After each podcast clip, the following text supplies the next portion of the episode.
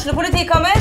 Ine Jansen er purk. Er du purk? The motherfucking bitch. Alt jeg vil, er å finne ut hva som skjedde med mannen min. Jon Carew. Er jeg sikta for noe? Iben Akeli. Det er du. Ole So, Lars Berrum og Big Daddy Karsten. Hvem sin side er du på, egentlig? Anette Hoff, Tone Danielsen, Kommer du fra Afrika?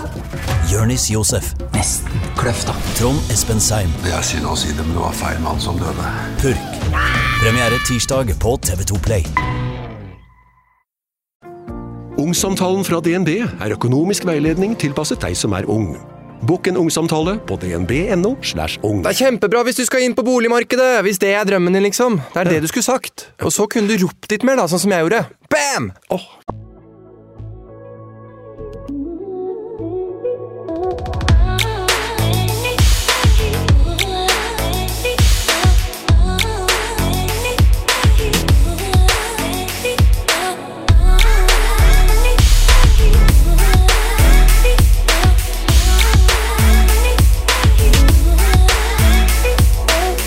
Før jeg nå forteller hvorfor alt egentlig ble som det ble i 2017, og da det virkelig raknet, det var fordi jeg opplevde å bli voldtatt i min egen leilighet i Oslo. Eh, roomien min lå eh, i naborommet, og jeg banket og banket for å få hjelp. Så det var nok egentlig der det starta. Jeg tror vel at i em, eh, desember 2017 så tror jeg egentlig at jeg fikk veldig nok, og at eh, jeg gikk på veggen. At jeg bare Nå går det ikke lenger. Um, jeg flyttet til Oslo. Jeg er fra Lillestrøm, en liten by hvor alle kjenner alle. Og så kommer jeg til Oslo og på en måte Mye alkohol. Bli introdusert eh, for ulike rusmidler. Nei, det Det smalt nok veldig når jeg flyttet i et kollektiv i Oslo med to jenter jeg ikke kjente. Uh, og jeg drakk faktisk hver eneste dag og kjente litt på dette her at åh, bor på Løkka, det er en bar rett under meg. Um, og da bare kjente jeg at åh, jeg er ung, nå skal jeg liksom bare Nå skal jeg leve, nå skal jeg Ja. Eh, og da gikk det veldig, veldig gærent, og jeg fikk jo konstatert at eh, jeg har kroniske selvmordstanker. Det er noe jeg går med egentlig hver eneste dag. Eh, og det startet jo når jeg var liten.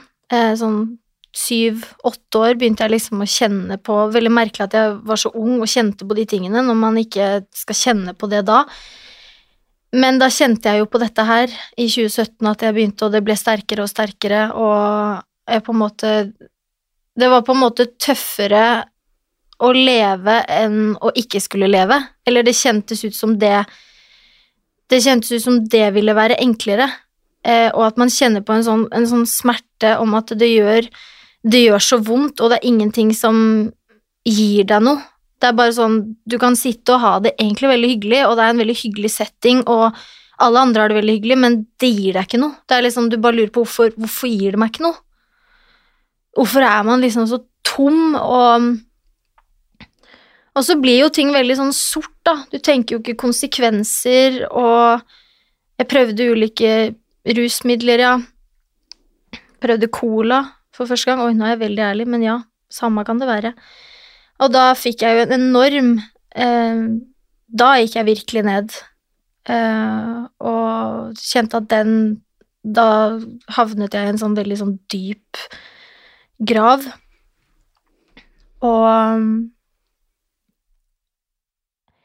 Jeg prøvde først å gå foran trikken. Eh, og jeg gikk egentlig ganske sånn rolig og bare liksom stoppet der. Men så var det en person som kom og tok tak i meg, og ble skikkelig sinna. Og så liksom kom jeg meg et par dager og liksom ok, ja, nå må vi liksom, nå må vi skjerpings. Og jeg er jo en veldig sånn positiv jente, jeg er jo veldig, de som møter meg kan jo på en måte tenke at herregud, har Linnea det vanskelig? Fordi jeg alltid er så Men det er vel min forsvarsmekanisme, da, og sånn jeg er, og sånn jeg på en måte alltid har vært.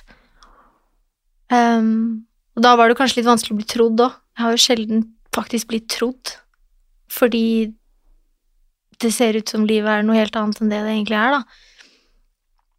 Eh, men så fikk jeg nok igjen, eh, og da hadde jeg masse sånn Voltaren-piller hjemme. Så jeg tror jeg tok eh, fy Unnskyld. jeg tok en god del eh, piller, og så egentlig bare svartnet, egentlig. Um, og så husker jeg roomien min kom hjem, og så kom uh, faren min, um, min forrige ekskjæreste, stemoren min, og det ble full dramatikk, og ambulansen kom, og jeg lå der. Og så ville moren min at jeg skulle da legges inn, da, Uh, etter det. Og det var tøft, for da var jeg på Da var jeg på en slags tvangsinnleggelse, da, eller der, er der er det liksom De tar fra deg spennen i håret ditt, eh, de tar fra deg snøringen på buksa di, jeg fikk ikke ha lader på rommet, og jeg følte meg som en Jeg følte meg gæren, liksom. Og jeg gikk ut i gangen, husker jeg, barbent med den sykehusskjorta, og så spurte hun ene, vet du hvor doen er, Linnea? Vet du hvor du skal? Så er det sånn, ja, jeg vet hvor jeg skal. Jeg liksom ikke Jeg liksom følte meg så Det var liksom ikke så veldig fint møte, da, med den verden som skal være trygg og bra, og det er liksom Jeg skjønner at det er et sted hvor det er akutt, da. Da er det på en måte så Du kan ikke være hjemme, du må bli tatt vare på for å ikke skade deg selv, da. Men det gjorde jo ikke ting noe bedre når man føler man er i et fengsel. Og så fikk jeg lov til å få besøk av roomien min, da. Eller hun fikk faktisk ikke komme inn, men hun sto utenfor og hadde med noe boller til meg og en cola, og da hadde hun en glasscola. Og den fikk ikke jeg lov til å få inn på rommet mitt, så de måtte selv åpne den og helle den i et krus til meg. Så det var, eh, det var skikkelig, skikkelig tøft, og jeg tenkte at fy søren, kan dette her gjøre et menneske bra? Så det var egentlig starten på da jeg faktisk for første gang fikk hjelp og ble utredet, fant ut at jeg hadde en bipolar lidelse og en emosjonell personlig En eh, en ustabil personlighetsforstyrrelse, altså borderline, da. Mm. Hvor gammel var du da? I 20, nå er jeg 26. 2017? Var det 20? Er ikke det riktig? Cirka? Jo, jeg var 20. Ja. Hvordan føltes det? Det er jo liksom heftige greier. Jeg, jeg var egentlig veldig glad for at jeg fikk vite at, at det var noe som kunne forklare det. At det var liksom Ok, nå gir ting mening. Eh, og nå skjønte også foreldrene mine at ok, dette var ikke en Altså, man starter jo å utvikle en Man starter gjerne å utvikle slike diagnoser i sånn 1920-21. Nå skal ikke jeg stå her og si at jeg vet det sånn 100% men det er gjerne liksom da disse tingene begynner, da. Og da ga det litt mening. Da hadde jeg Jeg var egentlig litt glad for det, egentlig. At det At det var en forklaring på hvorfor jeg var som jeg var. Mm. Har du alltid følt deg annerledes? Alltid. Hvordan da? Jeg har følt meg annerledes ved at jeg har vært uh, utrolig følsom. Uh, jeg har elsket hardt, alltid. Jeg har eh, aldri følt at jeg har passet inn, ikke helt forstått hvorfor. Jeg har um,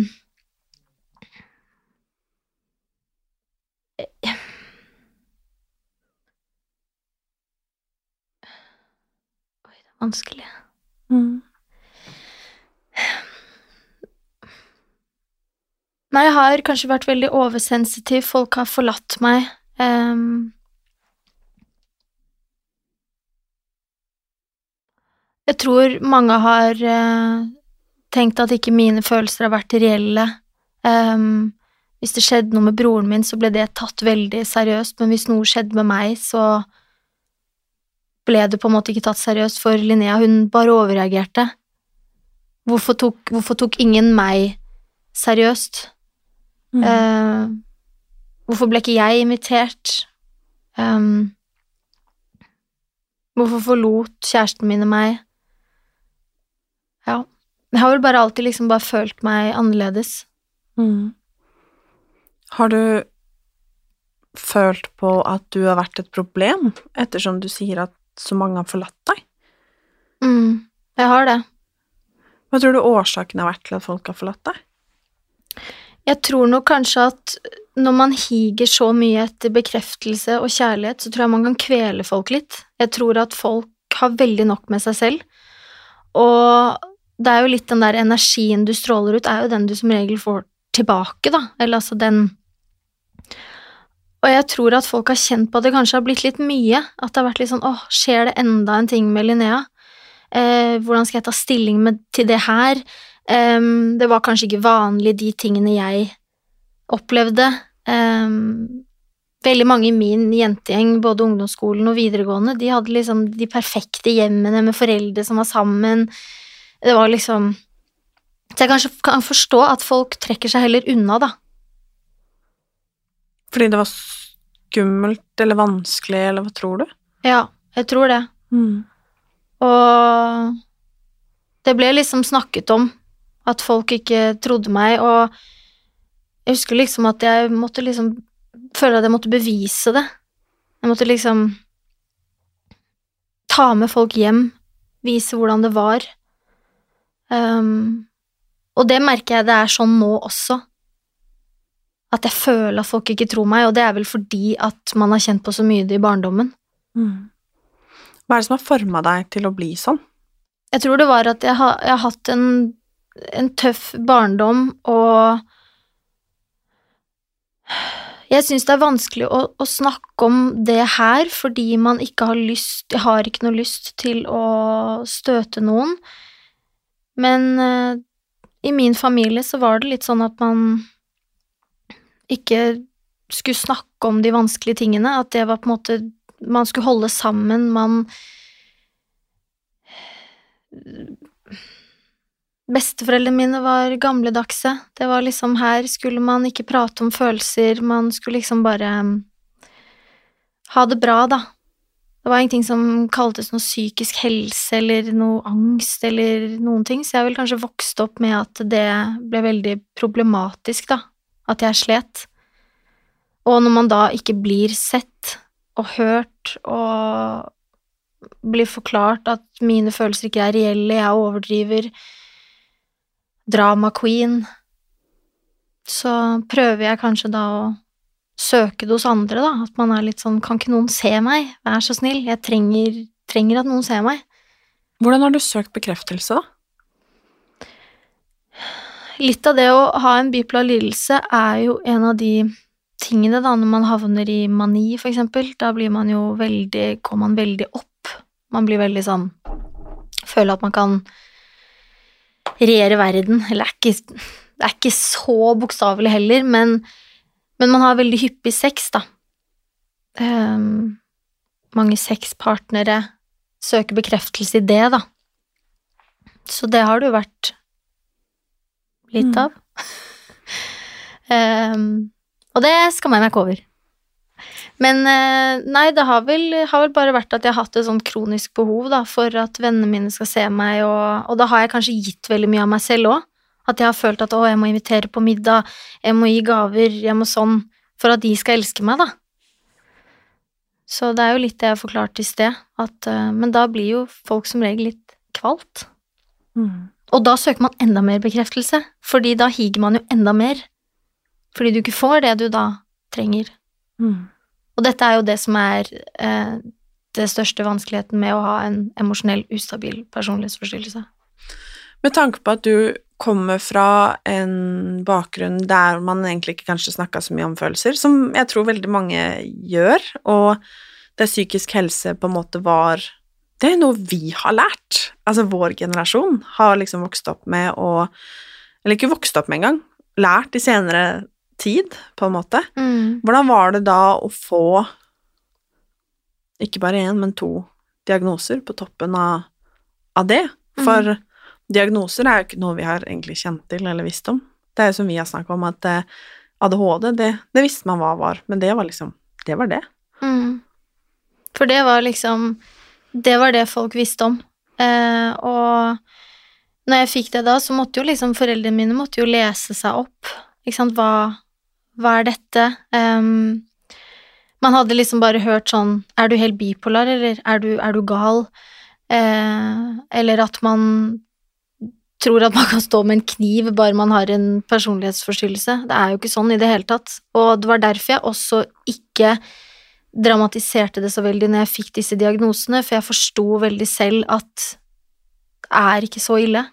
Og vi alle fyller egentlig skalaen på de forskjellige diagnosene, men noen scorer litt høyere enn andre. Vi alle har jo litt forskjellig preg av de forskjellige tingene, men, men så er jeg scorer jeg litt høyere, da. Um, uh, og der, jeg, så, jeg så på Side om side, eh, jeg tror det var den siste sesongen som er nå, eller den som ligger ute, og da er det en person som uh, ja, viser en litt sånn gal, da, uh, side.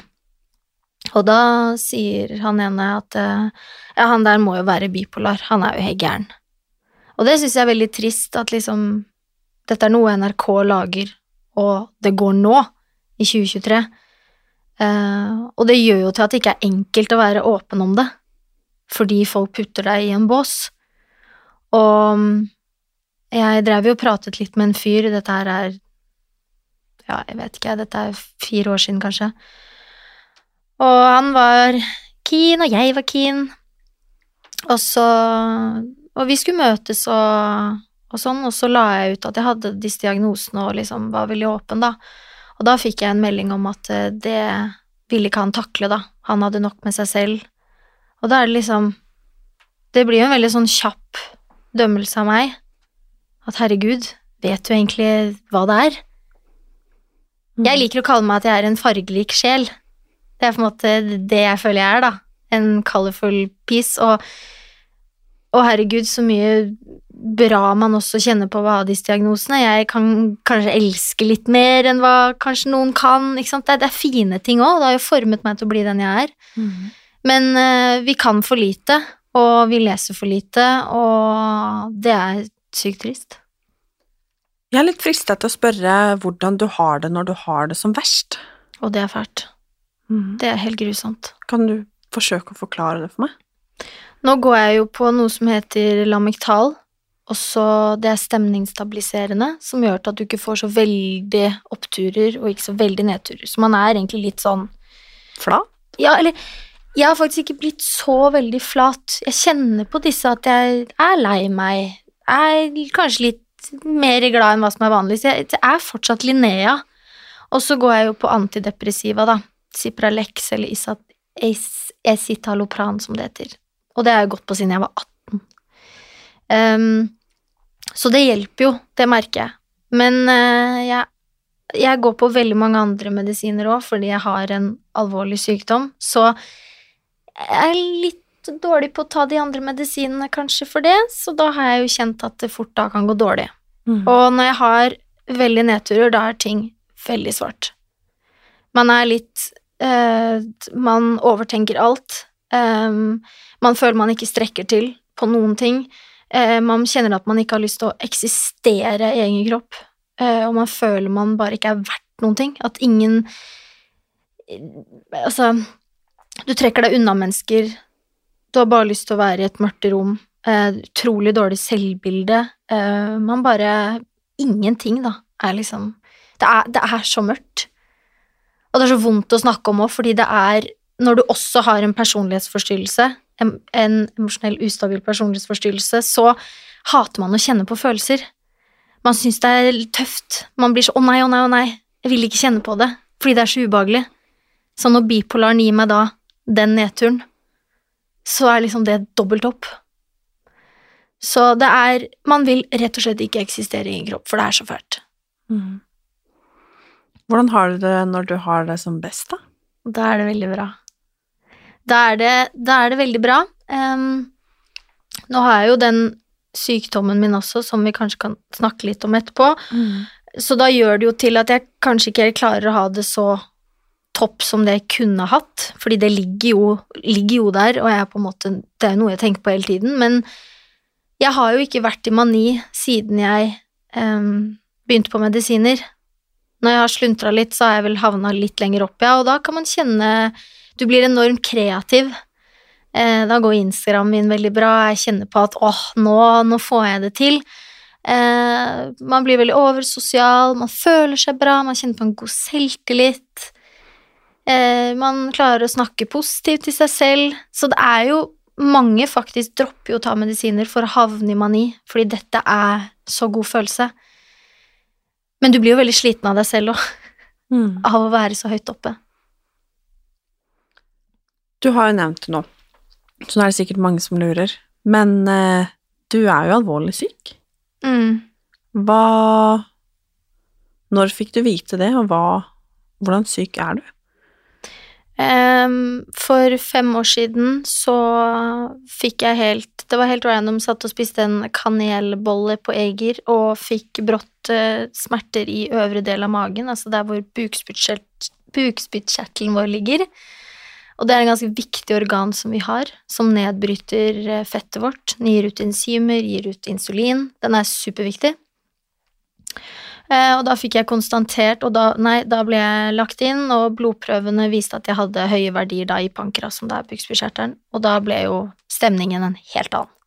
Da ble det liksom full dramatikk. Eh, Det tok lang tid å finne ut av dette her, og det var Jeg har vært på fem ulike sykehus, det har vært utallig med leger, eh, sykepleiere, professorer, altså prøver, tester, alt. Så da fikk jeg konstatert at jeg har um, autoimmun pankratitt. Eh, og en autoimmun sykdom er jo at kroppen går imot seg selv. Eh, vårt eget da, immunsystem, da. Eh, og da har jeg autoimmun pankratitt type 2 IgG4, som gjør at jeg takker jo da organene, da. Så den har jo nå låst seg på bukspyttkjertelen. Det er en smertefull sykdom, det er en alvorlig sykdom, det er en svært sjeldent sykdom. Det er veldig få som har den. Og det er vanskelig å hjelpe meg. Og det påvirker min hverdag, og det har også gjort at jeg har fått ME. Fordi når kroppen konstant kjemper imot seg selv, så blir du vanvittig sliten.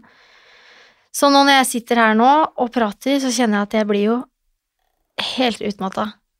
Og det er nok en blanding av at jeg også snakker om vanskelige ting, men også dette at du blir sliten av lys, lyder, inntrykk. Så jeg sover jo vanvittig mye, da. Mm. Du sendte jo meg melding før du kom hit i dag, Mhm. at eh, det kunne hende at du var litt hva skal jeg si, slapp, mm. eh, fordi du hadde tatt morfin. Mm. Hvor mye behandling får du egentlig? Jeg får, ehm, jeg får behandling ehm, Nå skal jeg få hjemmesykepleier, og det er veldig bra. Jeg føler at helsevesenet, det kommer seg nå. Så jeg skal få hjemmesykepleier, og for bukspyttkjertelen har veldig godt av å få væskebehandling. Eh, natriumklorid pluss noe litt annet. Så det skal jeg ha nå jevnlig. Jeg ønsker nok å ha det en gang i uken. Eh, og så har jeg behandling, smertebehandling og litt forskjellige greier inn på sykehuset sånn én til to ganger i uken, da. Nei, én til to ganger i måneden. Ja, for det er jo mye på sykehuset. Veldig. Men det er mitt andre hjem. Mm. Jeg koser meg der, faktisk. Hvordan føles det, liksom? At du er jo liksom så ung, og du er eh, Har liksom hele livet foran deg, egentlig, og så har du alt dette i bagasjen, og i tillegg så er du alvorlig syk. Vet du hva som er litt snodig, Martine? Det er at jeg takler dette sinnssykt bra. Føler jeg, da. Jeg er så positiv når jeg ligger på sykehuset. Jeg tror jeg har har grått litt der, da, jeg må jo si det. Men de syns jeg er så positiv. At går det an å være så positiv? Du alltid blid. der er- De sier 'nå kommer prinsessa vår', 'nå kommer Linnis'. Eh, jeg takler det veldig bra, og det er litt merkelig med de diagnosene jeg har òg. At jeg bare Dette nailer jeg. Og da jeg fikk vite at håret mitt mest sannsynlig kommer til å ryke, så Jeg gikk i kjelleren med en gang da, og det var vanskelig når det begynte å ryke mer og mer når jeg dusjet, så liksom sto jeg der med to håndfuller med hår. Men etter det, når jeg liksom var dønn med det, og det liksom var gone, så var det sånn Fy faen, jeg føler meg dritfin, jeg. Nå skal jeg, nå naile det her. Så det er liksom Dette har jeg taklet veldig bra. Men alt annet takler jeg jo ikke. Tror du at det kan komme av diagnosene dine? At dette er noe du kan liksom Hva skal jeg si? Dette er noe du kan håndtere, på en måte. Dette er på en måte noe du At det er litt mer konkret, liksom? Tror du det? Jeg tror kanskje det handler om at jeg også har hatt en vanskelig oppvekst, har liksom opplevd mye, så da er man kanskje litt mer rusta, eller man er litt mer sånn Vet du hva, dette her Dette skal jeg også klare. Mm. Um, og jeg har jo hørt at eh, jeg kan være litt ufølsom rundt det. Foreldrene mine syns jeg prater lite med dem. At jeg liksom Kan du oppdatere oss? Kan du prate med oss? Eh, jeg har vært flink Ikke misforstå meg, jeg har pratet mye med dem, men jeg vil aldri ha besøk på sykehuset. Av noen? Eh, jeg har hatt av eh, Jeg har hatt av kjæresten min eh, to ganger. Og så hadde jeg litt av eksen min i starten. Men nei, jeg har aldri besøk. Hvorfor ikke? For jeg liker å gjøre det alene. Jeg trenger ikke noen til å si at det går bra. Jeg trenger ikke noe bekreftelse rundt det. Jeg trenger ikke at noen syns synd på meg. Mm. Og det er det jeg føler kanskje misforstås litt på Instagram òg, at jeg vil ikke ha sympati. Jeg vil prøve å bruke stemmen min, og det er litt godt for meg å sette ord på det, men jeg vil ikke at noen skal synes synd på meg. Jeg vil ikke at noen skal være på sykehuset med meg. Men er dette noe du kan dø av? Ja. Ja. Er det noe du kommer til å dø? Nå knøt det seg i magen. um, vi har ikke hatt de samtalene på sykehuset. Eh, jeg ønsker ikke å ha jeg har, pratet med prest to ganger, som jeg fikk tilbud om å prate om. Litt eh, liv etter døden, hva tenker man rundt det? Men em, Så jeg har liksom ikke stilt det spørsmålet. Men jeg vet jo at folk har dødd av det. Så Men jeg har ikke villet ta svar på akkurat det. Men eh, det går også an å leve med det. Det er smertefullt, da, og det er eh, Jeg er ung og har det, og Ja, det, det, Nå går det an å leve med det, ja, men jeg vet ikke hvordan ting er om noen år. Eh, og kjenner jo uh, at de Når jeg sliter mye med selvmordstanker fra før, så kjenner jeg jo at det blir trigga til tider, fordi man blir spik spenna gæren av å gå rundt med smerter hele tiden. Mm. Må ta, jeg må ta tabletter for å kunne spise, for å kunne nedbryte maten min, totalt avhengig av de. Kan ikke sette meg på et fly da til Granca uten de. Da er det, da er det hjem igjen. Mm. Så jeg, jeg syns det er Jeg føler ikke at det er levbart, da, til tider. Jeg syns det er mer vanskelig enn det folk kanskje tror eller vet. Skremmer det deg sånn med tanke på livet? Ja, det gjør jo det. Men jeg har Vet du hva, det her har jeg ikke snakket så veldig høyt om, men jeg har aldri følt at livet har vært for meg. Jeg har aldri følt at liksom Jeg har følt at livet liksom har vært så vanskelig. Og Men jeg har alltid hatt dødsangst. Det er liksom det som Tix sier, jeg vil ikke leve, men jeg vil ikke dø. Ehm, men jeg har ikke dødsangst nå lenger. Jeg har hatt det. Nå er det litt sånn det går fint. Hvis det ikke går bra. Det er så, det er så brutalt å si. Men når man liksom kjenner at aldri i livet har vært noe, da. Jeg gleder meg ikke til i morgen. Og det høres så, så brutalt ut, fordi jeg har det bedre nå, psykisk. Jeg har går på medisiner, får hjelp. Men jeg føler ikke at livet er noe for meg. Jeg føler det tar mer enn det gir, da.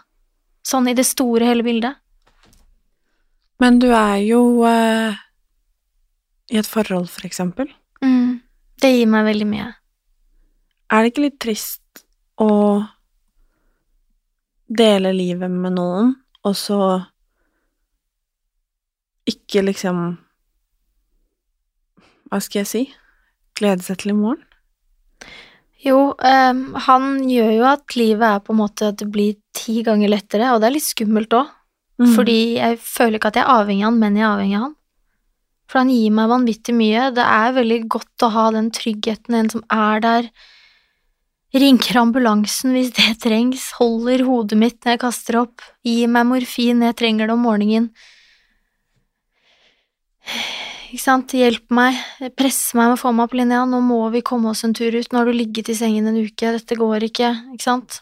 Så ja, det gir meg vanvittig mye, og Men han forstår det, da, jeg har forklart akkurat dette her til han, da, Mm. så han skjønner det. Og han godtar det òg, at det er de følelsene jeg sitter med. Det er veldig stort.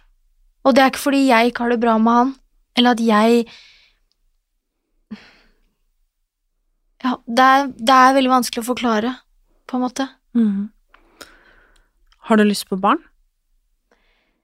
Ja, jeg har jo det, men um, jeg hadde faktisk en samtale med, med pappa om det nå, i Kragerø for to uker siden, eh, hvor vi driver og snakker om at, ehm, at mest sannsynlig så, så er det jo at man må ha en surrogatmor, da.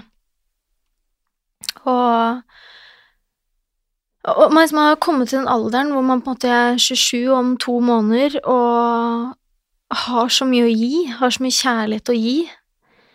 Men hvordan skal jeg klare det? Og kjæresten min er 31 år.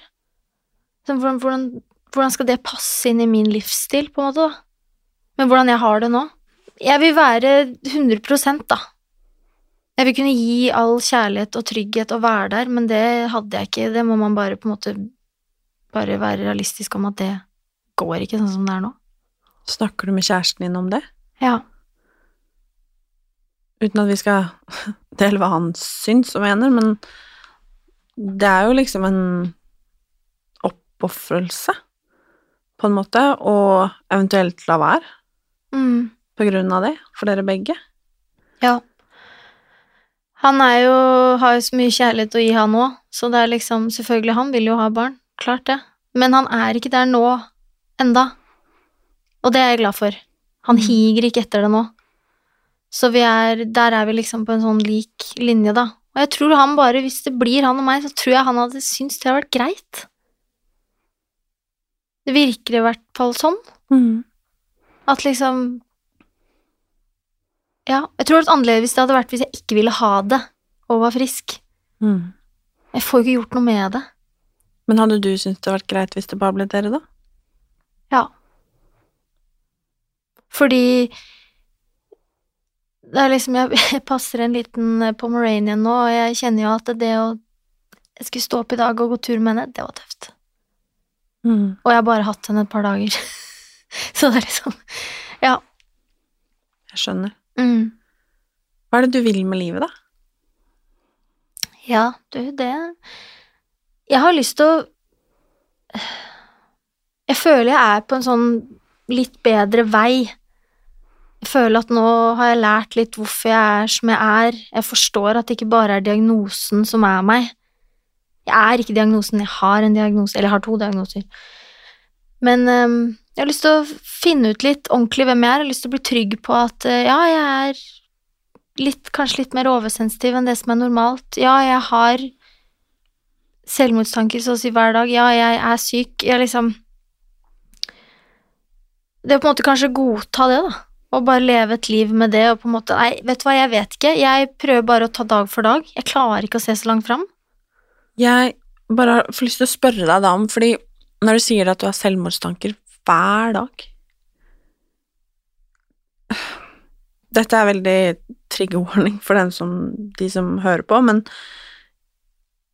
om du orker, kan du fortelle meg hvordan de streifer deg? Jeg vil så gjerne forstå, liksom, hvordan du lever livet ditt, om du så er hjemme, om det er eh, på det fine stedet jeg vet dere har i Kragerø, eller eh, om det er på sykehuset, om det er de dagene du orker å være med venner, altså skjønner du hva jeg mener? Hvordan, hvordan streifer de deg?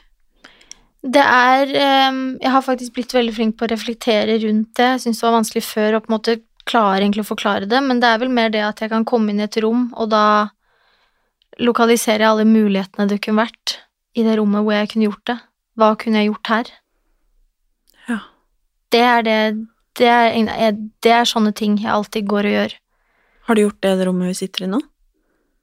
Ja. Og det, den går hele tiden og ruller. Og eh, hva slags medisiner er det jeg kan ta? Hva er dosen for det? Slik sånn. Eh, hva, hva kunne jeg dødd av som jeg ikke var vondt? Hva, hva og, og jeg prøver liksom å være så forsiktig når jeg snakker om det òg, men, men det er det at jeg har ikke lyst til å dø. Men det er bare så vanskelig at man heller syns det er tøffere å leve da, enn om det kanskje hadde vært hvis jeg hadde vært borte. Da hadde jeg jo fått fred. Jeg hadde fått fred fra alt. Um, så det er vel mer det at jeg går og ser muligheter, da. Når jeg er alene, ser jeg muligheter. Hva kunne jeg gjort nå? Hvordan skulle jeg gjort det? Jeg sitter jo og lager min egen begravelse på repeat hele tiden. Jeg vet hva slags blomster jeg skal ha, jeg vet hvordan kiste jeg skal ha, jeg vet hvordan gravstein jeg skal ha, jeg vet hva slags sanger jeg skal ha, jeg vet om jeg, jeg vil ha åpen bisettelse, ikke sant. Det er jo helt Og det tror jeg også er på grunn av sykdommen min nå. Jeg har jo pratet med mamma om at jeg har lyst til å skrive testamentet og, og lage det for å liksom bare ha alt klart. Ehm, så det er liksom brutalt å gå og ha de tankene som kverner i hodet hele tiden. Det er jævlig brutalt. Og de, og de bare kommer, jeg klarer ikke å styre det. Det er liksom bare De er der, bare hele tiden. Mm. Og det er Jeg kan forstå at det er sånn vanskelig å, å høre det, og liksom hvordan skal jeg Hvordan skal man svare på noe sånt nå? Hvordan skal man forholde seg til det? Fordi Ja. Jeg vet ikke om jeg syns det er vanskelig å høre det. Det er mer det at jeg syns det er jævlig vanskelig å akseptere at det er sånn du skal ha det. Mm. Det syns jeg er forbanna trist. Og at eh, mens jeg sitter og tenker på 'herregud, hva skal jeg ha til middag i dag', så sitter du og tenker på hvordan du kan ta livet av deg, på en måte. Nei, men, men det der er også så viktig for meg, fordi Mm. jeg merker at folk sliter litt med å ta opp ting med meg, fordi de tenker 'men Linnea har det verre', og det er jo litt sånn jeg prater med eh, ukjente folk på Instagram også, så er det sånn 'men jeg skal ikke klage'. Jo, det skal du, for dine problemer er også like viktige, er også store for deg, Uh, og det er så viktig, da. At liksom Ja, det å skulle finne ut hva man skal ha til middag, den er ikke så lett til tider. Nei, den er jækla vanskelig. Så, så ikke sant, og det Jeg tar er gjerne imot tips. ja.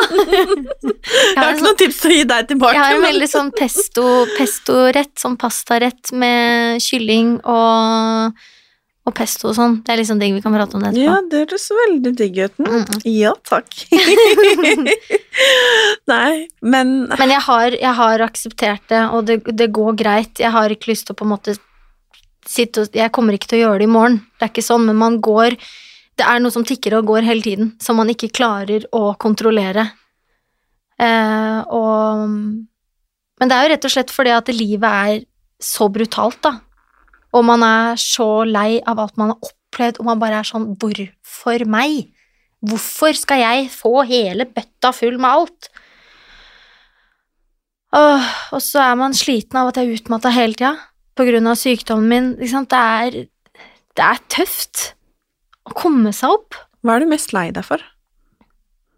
Jeg er mest lei meg for at jeg hadde en tøff barndom. At jeg ikke følte at jeg ble sett sånn som jeg burde.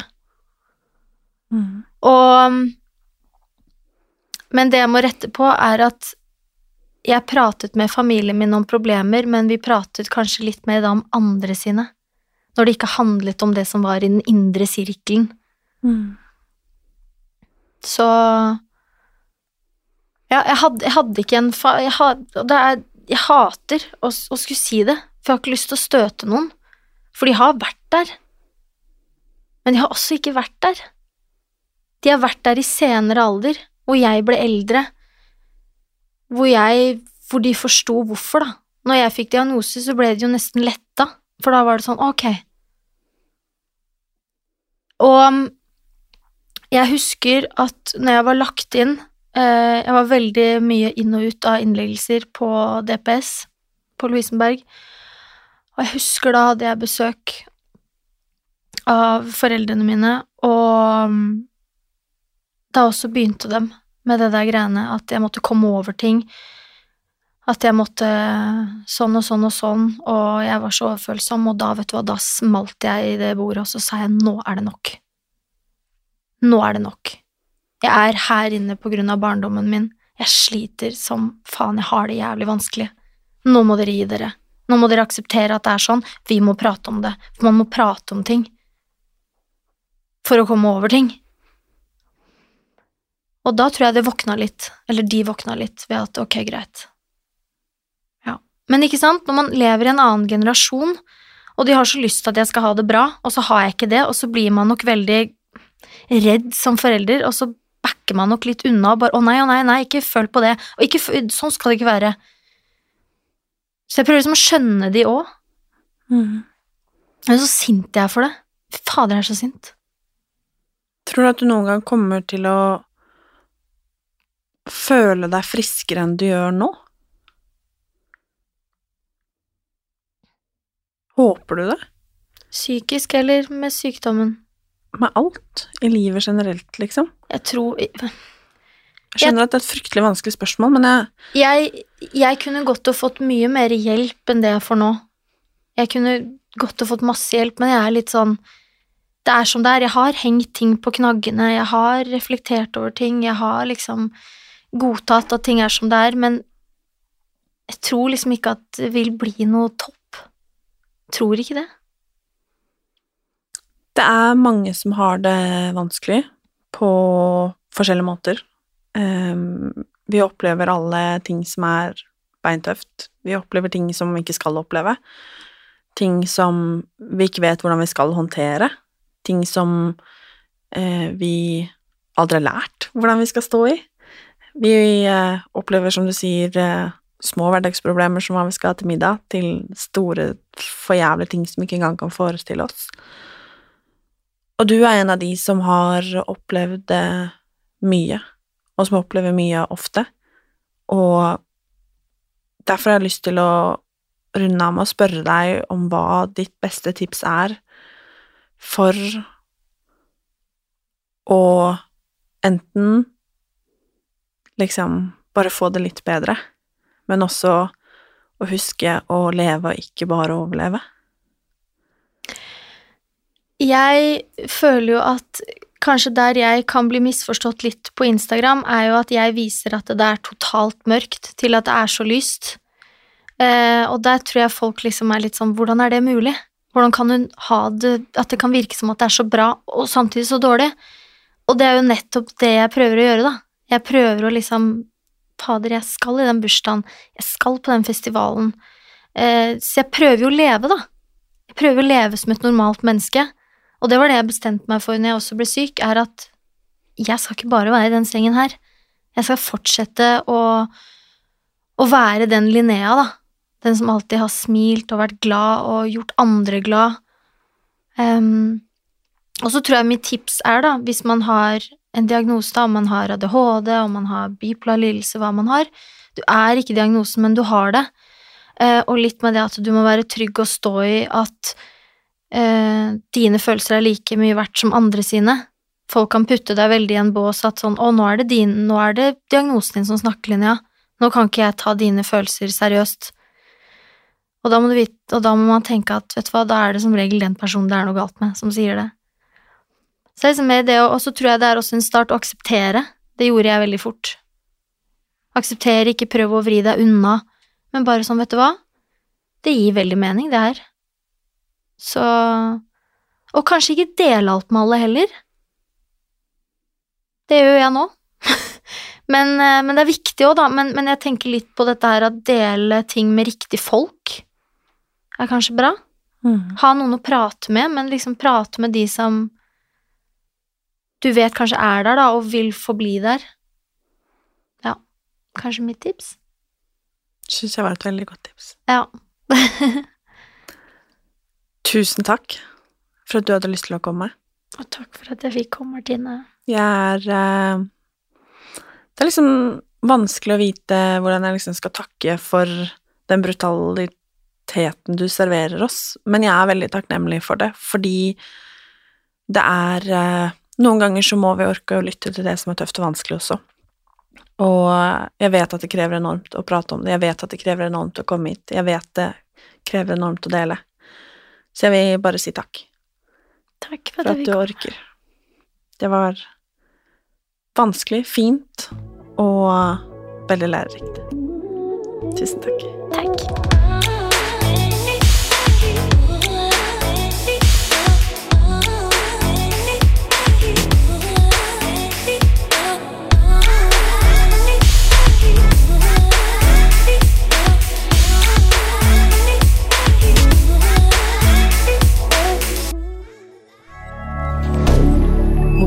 rien